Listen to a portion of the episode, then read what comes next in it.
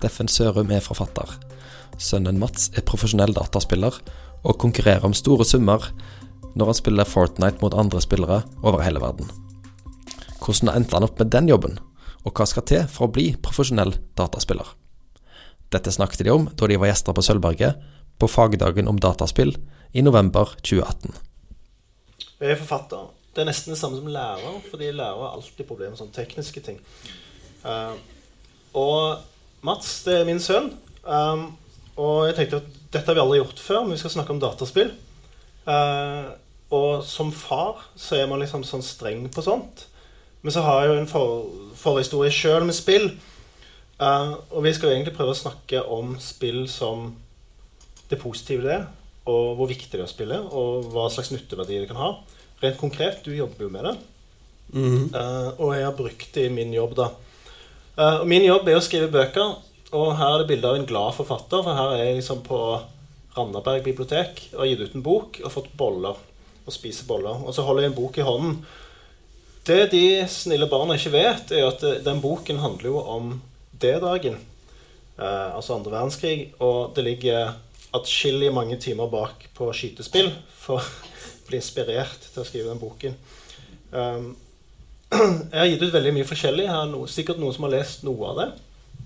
Men jeg er veldig glad i å skrive om historiske ting. Og jeg har studert historie på universitet.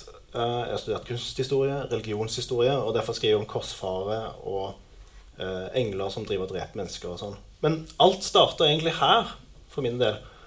Eh, Jeg vet ikke om noen klarer å gjette hva spill det her er. Da er jeg ganske imponert. Men dette er da kjempebra grafikk. Eh, Og et ekstremt avansert spill for sin tid, men det er et spill som heter Civilization. Eh, Og i Civilization så starter du med et nomadisk folk. altså det vil si Du har ikke noen byer, eller noen ting, og så skal du reise rundt og bygge byer og finne opp ting. Finne opp keramikk. Hvorfor skal du ha keramikk? Hvorfor for du kunne lagre korn, sånn at du får større byer. Eh, Du må utvikle bronse, jern alle disse tingene. Og jeg satt mange mange til mange timer og spilte, og så kom Civilization 2. Eh, og i dag så er det kommet Civilization 5. Uh, og jeg har skrevet også bøker om oppdagelse og, og alle disse tingene som er kobla til spill. Uh, men så kommer det et punkt, for jeg, jeg som sagt spilte mye spill, og på et eller annet punkt i livet så må jeg bli voksen. Eh, og når Mats ble født, så husker du at eh, du hadde kolikk. Dvs. Si at du skreik sammenhengende fra sju på kvelden til type fire om morgenen. Men det eneste som gjorde at du satt stille, var at du satt i fanget mitt som babys, og så spilte Championship Manager. Fordi når det, blink, når det ble scoring, så blinkte det, og da lå liksom babyen stille. Eh, så jeg tenker at det var liksom en far-sønn-dataspill-opplevelse. der vi liksom begynte. Men jeg satt og spilte noe som het Mell of Honor, som var en tidlig utgave av eh, Call of Duty. Og på det tidspunktet her så merket jeg plutselig at det ble litt problematisk. fordi som dere ser, så Mell of Honor hadde 16-årsgrense, og det tror jeg Call of Duty hadde også. Men hvor gammel var du når vi kjøpte Call of Duty? Ti? Uh, Tolv? 10-12. Eh, men jeg opplevde jo det her som et kjempespennende spill, fordi det var andre verdenskrig, og det var liksom hvordan det faktisk så ut. Og når, når, jeg- når jeg spilte Mail of Honor, jeg husker første gang jeg spilte, jeg fikk så kick. For det er sånn Du løper rundt i bygninger, og du hører lyd. Jeg koblet til stereoanlegget, så jeg hadde liksom høyttaler på hver siden av rommet. Uh, så husker jeg kjæresten min kom hjem, og så hadde hun ikke ringt Hun hadde ikke sagt at hun kom, så bare kom hun i rommet, og jeg bare skreik, liksom. For det var sånn Jeg var så inne i spill. Uh, og det er akkurat den opplevelsen som jeg jobber så intenst for å få til som forfatter. Og som forlagsredaktør. Jeg, jobber i Cappelen Dam og gir ut andre forfattere. Og den store drømmen er jo å skrive en bok som gjør at eh, barn ikke tør å sove. Eh, jeg jobber med Marg og Bein, som sikkert noen kjenner. Det er tre forfattere, Arne Svingen og Inge Normotte, de skriver Grøss. da. Eh, og det største opplevelsen vi har hatt, at det ringte en mamma og sa at uh, datteren kom opp i sengen og ikke turte å sove, og hun var 16 uh, etter å ha en Margot Bain-bok. Men det er en opplevelse av å være inne i en fortelling, være inne i en historie. Og, og det er akkurat det som er for meg skytespill og, og Civilization. da. Men som det ble sagt, så har jeg på en måte en voksenjobb i tillegg til å være datainteressert. Og jeg, skrev en bok som het 'Skriv genialt'. Jeg holder det i familien her, så det er liksom kjæresten min som skrev uh, sammen med meg. Og vi skrev en bok om hvordan det er å skrive, hvordan man lager historier. Og, og når vi skulle skrive den boken, så hadde vi også med oss en illustratør som het Ingrid Dos Santos. Og så ble det ganske sånn tidlig eh, kjent mellom for meg og Eldrid, som skrev, at hun var sånn flink pike på skolen. Hun gjorde alle leksene alltid. Og hun uh, gjorde liksom ekstraoppgaver og gikk på biblioteket og fant tilleggsmaterial og sånne ting. Mens jeg vanligvis lå og sov på det tidspunktet der. Uh, og jeg spilte dataspill. Så vi, vi var utrolig forskjellige som 15-16-åringer. Men begge har blitt forfattere. Og jeg tenkte det er fint å bruke. For det er sånn, det er ikke bare de jentene med seks reelle fag som blir forfattere. Det er de der noldusene som aldri gjør noe òg, sånn som meg. Så det må vi få fram. Uh, og jeg var jo veldig opptatt av dataspill og alt, det gikk utover alt som jeg gjorde. Men samtidig tenker jeg at det gir et fortrinn. Uh, sånn, så, sånne spill som Civilization gjorde jo at jeg ble interessert i hvor kommer mennesket fra, bortsett fra at det kommer fra sykehus og sånne ting. Men at, hvor skapte vi hen? Hva, hva, har vi skapt? Hva har vi gjort? Hvorfor krigte man om visse områder? Uh, hvorfor var egypterne Hadde de sånn sinnssyk militærteknologi 5000 år før alle andre? Altså, jeg stilte masse spørsmål, og da begynte jeg å studere historien. Og det tror jeg ikke jeg hadde gjort. hvis Jeg skulle liksom, jeg hadde ikke fått den samme opplevelsen på skolen. Det er ikke sånn at historielæreren min gikk som ga meg sånn Eureka! Jeg skal bli historiker. Uh, men det var dataspill. Uh, det var en lang intro på meg, men så er det jo Mats, fordi du har jo liksom dratt det lenger. Du har ikke bare gjort som meg, du har ikke bare forsovet deg til skolen og spilt dataspill, men du har jo gjort en jobb ut av det. Ja. Uh, jeg heter da Mats, jeg er 20 år, og jeg driver med dataspill som jobb. Uh, det vil si at jeg altså får betalt fulltid for å spille dataspill. Uh, sikkert ikke så mange som vet at det er en mulighet, men det er det. Så det er jo liksom møter jeg meg sjøl litt som en voksen person i, i, døren. Fordi jeg har jo vært, alltid vært Selv om jeg har spilt mye sjøl, så har jeg vært ganske streng på at det, det skal gjøres lekser, det skal gjøres alle andre ting. Og vi prøvde jo ganske mange forskjellige metoder på å ha litt sånn disiplin på det, og ingenting fungerte da. Uh, det, man prøver liksom først sånn Ja, nu, det begrenser tid uh, på hvor mange timer du kan spille per dag. Uh, og så husker jeg at vi hadde sånn at du skrev på en lapp, og så skrev jeg på en lapp hvor mange timer vi mente. Så husker, tror jeg du skrev syv timer, og jeg skrev to. Uh, så allerede det var liksom uenighet om hvor mye man skal spille.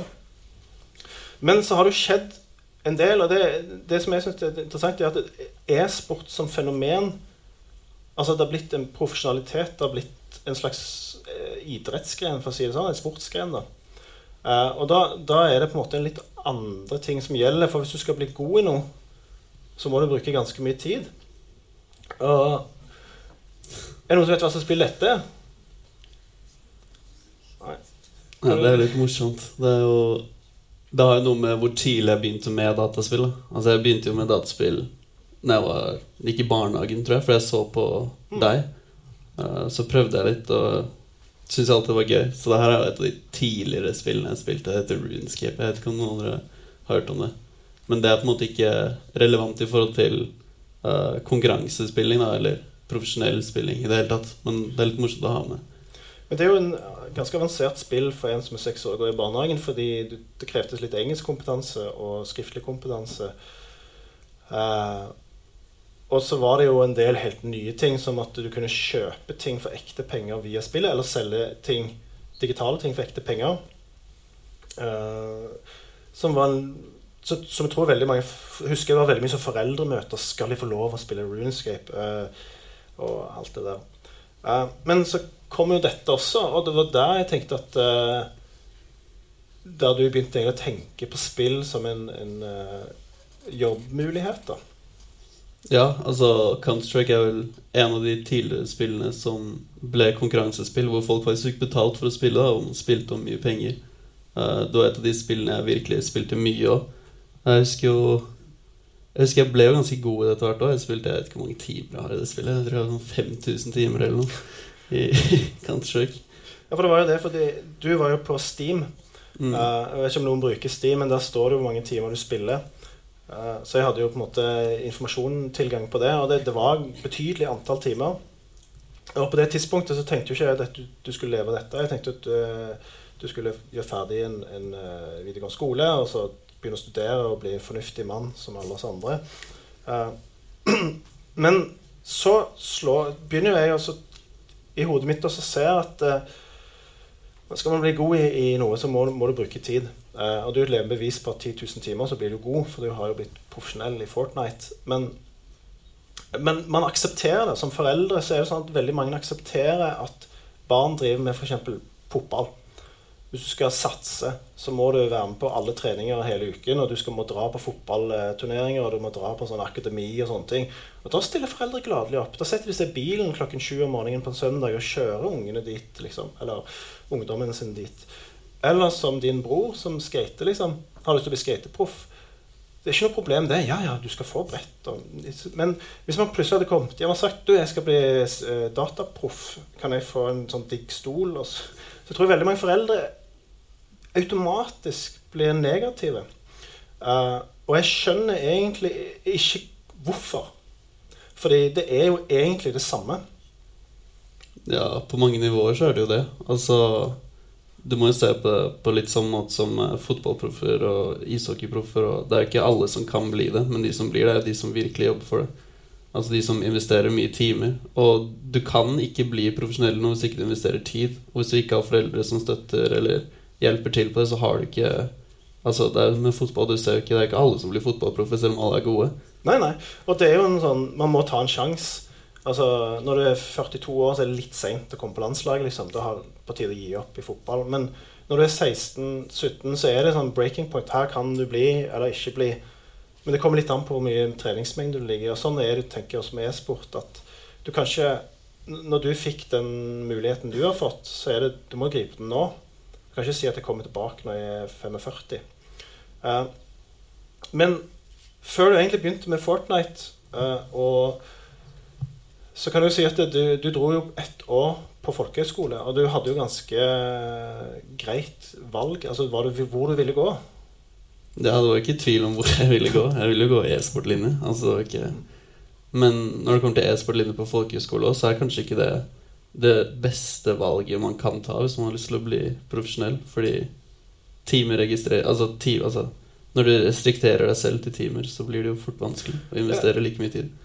For jeg husker, fordi når du sa du ville på folkehøyskole, så tenkte jeg at du skulle bare spille enda mer. liksom. Jeg tenker at jeg skal gå på folkehøyskole for å sosialisere meg med andre, eller bli, finne ut hva man skal bli når man blir stor. Men du hadde jo egentlig på en måte valgt det litt. Men så tror jeg folkeskoler, sånn som Darbu, der du gikk Uh, de må jo selge seg inn til foreldre, og da var det en av de tingene de satte seg inn på, at datamaskinen blir låst inne på et rom. Uh, så at du har ikke fri tilgang til datamaskin hele tiden. Og så tenkte jeg det er sikkert lurt, for da, da må du liksom spille brettspill, som jeg elsker, og sånn.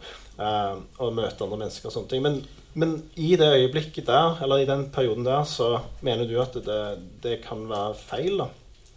Ja, altså, jeg tror det er en veldig bra måte å komme inn i det. Uh, veldig bra måte å lære seg struktur, lære seg altså, hvordan, man, hvordan, man, driver med det. Men hvis du allerede er på høyt nivå, så er det ikke verdt det, i hvert fall. Mm. For da blir du restriktert. Altså, du får ikke tid, du har ikke mulighet til å gjøre det du må gjøre. Ja, for når du sier det, for jeg tenker at i løpet av et døgn så er det ganske mange ting man må gjøre, da. Mm. Uh, man må spise, man må lage mat, man må vaske. Uh, man må jobbe, da, ofte. Så det er jo begrensa tid til spilling. I hvert fall for min del. Jeg har jo ikke sjans å spille Hvis jeg får spilt litt, så er jeg kjempehappy i løpet av en uke. Men hvor mange timer tenker du at du får opprettholde et visst elitenivå? da? Hvor, hvor mange timer må man legge per dag eller per uke? Det er varierende. altså Det har jo med hvor effektivt du gjør det. Men altså, en ting jeg syns er litt interessant å se på, er jo de andre jeg kjenner som driver med som også får betalt, som også spiller for masse penger og liksom styrer. Og de er 15-16 år, mange av de. Mm. Og over halvparten av de har droppet ut av skolen. Ja, for det, det, det, kan man jo si. At du har ikke fullført videregående helt ennå. Ja, nei, nei. Uh, Fordi det var to verdener som krasja litt, for, å si det sånn. Og det er jo om du skulle fullføre utdannelsen, eller om du skulle på en måte eh, bli e-sport. Og det er, må jeg jo si at det som foreldre så føler man å si at at det er jeg som mislykkes da når du ikke går ferdig videregående. Så jeg må jo på en måte finne en logisk forklaring. For jeg tenker, sånn som jeg har forstått eh, som den e-sporten, så må jeg tenke som en, om hvis du får en mulighet til å bli vikingproff, så er det ikke så farlig om du kanskje dropper ut av skolen de årene. Du kan jo ta det igjen. Og veldig mange i, på din alder da, de sitter jo fremdeles og tar opp fag nå. Ikke fordi de strøyk nødvendigvis, men fordi de føler at de skal ha enda bedre karakterer for å komme inn på legen, eller hva de skal bli. da. Så at det, det er jo ikke for seint. Uh, men det tror jeg for min del som voksen også var litt sånn lurt å skjønne at du trenger liksom ikke å fullføre på noe mer tid. Det, det er mulighet å, å gjøre det seinere òg. Um, og det, det, er liksom den store forskjellen. Men så begynte du på, på e-sportlinjen, og jeg, jeg, mener jo at det må ha vært utrolig viktig, for det var der du først dro på, på noen sånn LAN. Uh, og konkurrerte i Sverige, blant annet. Ja, internasjonalt, ja. Mm. Jeg har ikke gjort det internasjonalt til, jeg har bare gjort det i Norge. Men nå, nå reiser jeg overalt. Altså, nå var jeg jo i California for en og en halv uke siden. Før det så jeg i Sverige. Før det i London. Uh, så det er mye reising nå. Men ja, det var første gang jeg på en måte dro internasjonalt for å konkurrere. Så sånn sett så var det jo greit. Og du lærte jo også mye Det med folkehøyskole, jeg føler du lærer mye kompetanse som mange trenger, fordi de fleste er gode mekanisk, men det er ikke alle som er like smarte på visse ting. da Akkurat som strategiting type ting. Mm. Uh, men det var på en måte noe jeg følte jeg allerede hadde på høyt nok nivå. Jeg manglet bare å investere tid. Og det fikk jeg ikke på folkehøyskole. Men hvis man føler man har, har det som trengs, men mangler noe, da, så er folkehøyskole greit. Men for min del så tror jeg ikke det var det beste, i hvert fall. Men selvfølgelig det var et bra år på folkehøyskole. For jeg husker jeg var der, og de, de har jo to spillinjer. Ja. Uh, og var, jeg bare merket meg at det var ganske Jeg så, jeg så fysisk forskjell på de to linjene. Har, det er kreativ spilling, som Minecraft og Hvilke andre spill var det de spilte der? Spiller sånn World of Warcraft uh, og sånn type singleplayer, ikke konkurransespill. Ja. Altså mer Altså, vi kalte det jo for casual gaming. Casual gaming. Ja. For det er ikke noe kompetitivt i det. Nei. Det er kun for egen Altså kun for moro skyld. Mm. Altså jeg tenker Alle de som spilte der, de kunne jobbet på Outland, liksom. Ja. Uh, med fantasy-litteratur. Altså det, det, var, det, var, veldig sånn uniformelt. Uh, og så på e-sportlinjen så, så, så, var det litt sånn mer den friidretts... Altså ikke sånn, men at det var liksom måten man gikk kledd på, var mer De hadde mer den outfiten du har nå, med sportstøy og var veldig sånn kompetitive. og og veldig sånn klar for å konkurrere. Ja, det er jo stor forskjell. Altså, det merker jeg nå når jeg reiser rundt og møter andre. Uh, de fleste har jo en fordom, spesielt når det kommer til gaming, at det er mye svette joggebukser og mange timer inne med Red Bullen i hånda, liksom. Men mm. det er jo i hvert fall kompetitivt, så er det de fleste er veldig trent. De fleste trener jo mye fysisk for å være på toppnivå. Mm. Du må jo være klar i hodet. Altså, folk forstår på en måte ikke helt hvor mye som egentlig må til. da Akkurat sånn som med fotball og andre ting. Du må, du må, trene mye, og du må trene på mange måter. Akkurat som du må trene psykologisk, og både fysisk og psykologisk. Og det er jo igjen innen familien så har vi en eh, Jeg har en eh, bror, og du har da en onkel, da, som er idrettspsykolog. Eh, og han var litt aktiv i TV nå i forhold til fotballspillere med angst. 40% av de profesjonelle fotballspillerne i Norge har på et eller annet nivå hatt angst. Og Som idrettspsykolog så sier han at det er egentlig det som er viktig, og det gjelder egentlig skoler. Det kan være en fin huskeregel. Det er tre ting man skal huske på. Det ene Punkt én man skal konkurrere. Det er eksamen. Og så skal man trene slash leke. Det er alt det andre. Og så må du også huske punkt tre. Det er å hvile. Uh, og det tenker jeg at uh, Hvis man bare konkurrerer hele tiden, så blir man jo sliten. Man skal også kunne leke. Og det tenker jeg at dataspill er jo en form for lek. Altså, så lenge man spiller casual gaming, eller gjør noen ting, så er det jo tid du kan bruke som ikke på en måte skal gi deg noe. Uh, og jeg tenker at veldig mange foreldre som er sånn at hvis du skal spille dataspill, så skal du lære noe av det. Er sånn, Lærespill er alltid litt skummelt, for det er ikke alltid like kult eller like gøy.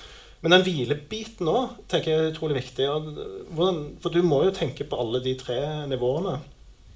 Ja, altså For min del, da, hvis jeg f.eks. sitter og spiller samme greia hele tiden, så blir jeg lei. Så jeg gjør mye annet for å ikke bli lei. Mm. Og da går det jo til alt mulig fra å se på serier som pause, liksom, eller bare gjøre andre ting. Bare for å ikke bli lei. Fordi du blir jo fort lei hvis du gjør samme ting ti timer om dagen i en lang tid, så blir du fort lei. Men, Du skal i hvert fall ha en motivasjon for å gjøre det. Men det, det, det har vi glemt å si, det, det er to former for konkurranse. Mm. Det ene er jo hjemme på svettgutterom-stil, altså der man sitter hjemme. Ja. Men da spiller man på lag. Altså, det er jo online-turneringer og LAN-turneringer. LAN-turneringer er fysiske turneringer hvor du må reise ut, og du sitter på scener. Du eh, konkurrerer både for live-publikum og for publikum på nett. Og det er sånn som vi ser bak her. Det, hvor er vi her nå? Uh, der er på SpillExpo. Det er mer sånn showmatch. Det var uh, uh, nå nylig, faktisk. Og det, Vanligvis får du ikke lov å ha telefon, men her fikk vi lov.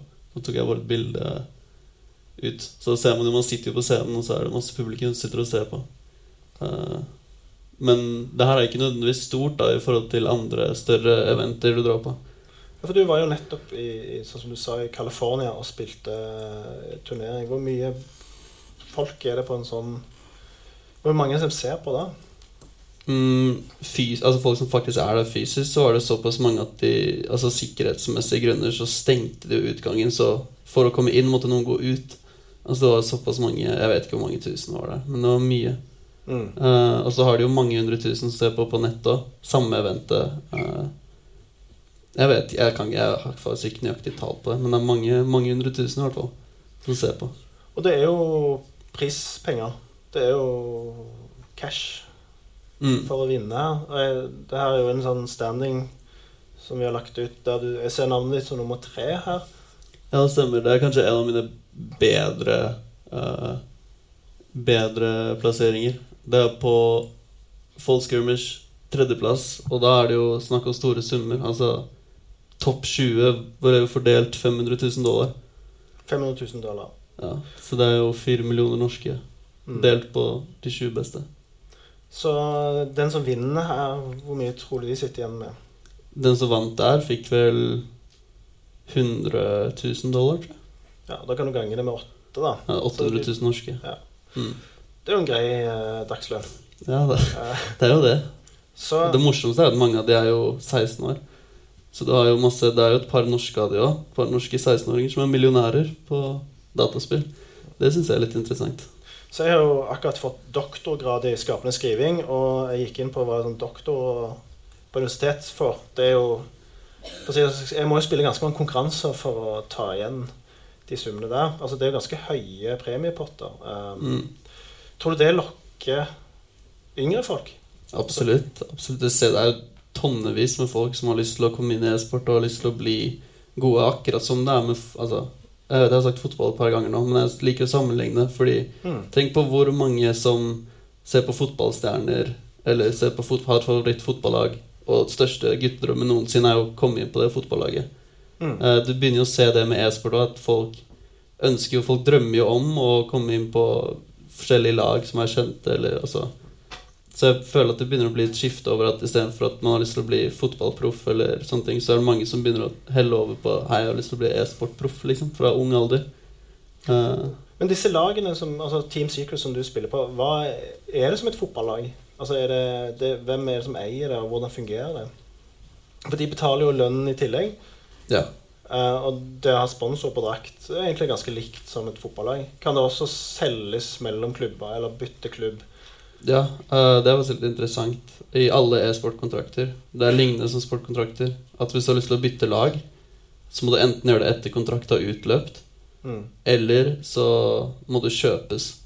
Så det er akkurat som i fotball, du kan kjøpe spillere. Og det blir jo gjort, i hvert fall i uh, andre spill, som Counter-Strike, sånn, så blir ofte spillere kjøpt for store summer. Og I tillegg så får man utstyr, spons, i, for datamaskiner og lydkort, uh, tastatur. Ja, du får jo alt du trenger gratis. Så det er egentlig uh, Nei, jeg skal ikke si noe om hva dere skal gjøre. Eh, men vi tok og sammenlignet litt tall uh, når vi satt og ventet på fly i går. Uh, og her har jeg lagt min første søylediagram i Excel for PowerPoint noensinne.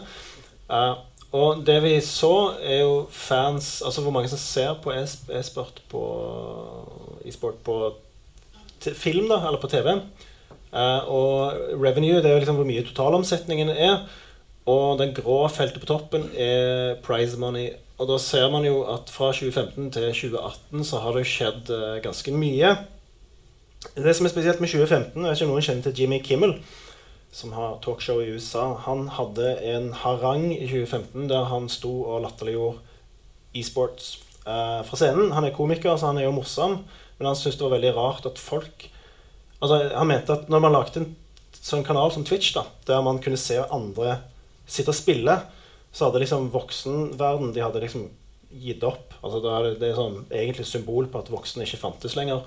Uh, og så Sammenlignet han det med å se andre spille e-sport, var det samme som å sitte på en restaurant og se noen spise middagen din.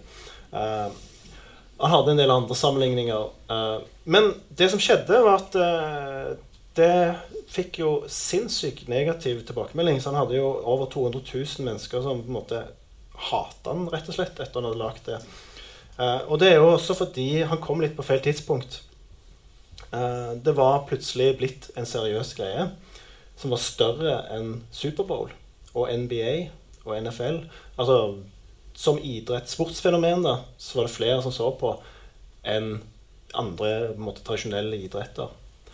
Så det er jo, det er jo ikke på en måte lenger et sånn gutteromsfenomen. Det har blitt en sånn stor greie. Men tror du at det er lettere å få aksept for altså, for du måtte jo jobbe for det. Altså, du, du hadde jo bestemt det. Det, jeg husker at jeg var jo veldig nervøs, men tenkte at um, det var kanskje lurt å gi litt slekk og si at men ok, da får du gi det, gi det et par år, så se hvor du havner hen. Og det første som skjedde, var at du, du fikk eh, kontrakt. Og der gikk det bare opp, og du har fått uh, tjent nok penger sånn at du måtte ikke nødvendigvis trenger å uh, Hva heter det? Altså bo hjemme, eller altså, du, kan, du klarer økonomisk på dette her. Men ser du at det er en fremtid fremover? Altså, se, hvor er du om tre år, liksom? Uh, en ting jeg liker å se på, er jo folk som har kompetanse nå innenfor det her. Det er ikke mange som har bra kompetanse innenfor e-sport. I hvert fall ikke i Norge eh, nå om dagen. Mm. Så jeg er en av de tidligere Det er ikke mange profesjonelle norske e-sportutøvere. Så for min del så tenker jeg at i framtiden kommer det til å bli ganske lett for meg i hvert fall å finne andre jobber etter mm. Fordi jeg er en av de få som har tidlig kompetanse, som sjanser på det tidlig. Så jeg tror i framtiden tror jeg ikke det kommer til å være noe problem å jobbe med andre ting innenfor e-sport. Ja, for det Er det noen sånn pensjonist altså, Som fotballspiller så bør du liksom slutte når du er rundt 30-årene.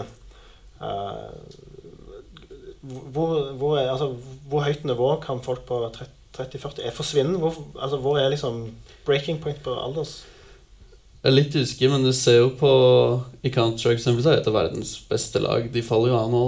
da. men der har de jo spillere som er opp mot 40. Mm. Det er jo gift, har barn. Men de har på en måte hatt en spillkompetanse, erfaring, som de på en måte kanskje har levd litt på? da Ja, de, jo, de er jo de tidligste av de tidligste. Mm. Uh, men de er jo oppimot 40 år. 37-38. Men du spiller jo på lag med, der det ble avisoverskrifter i England. Uh, ja. Hvorfor det?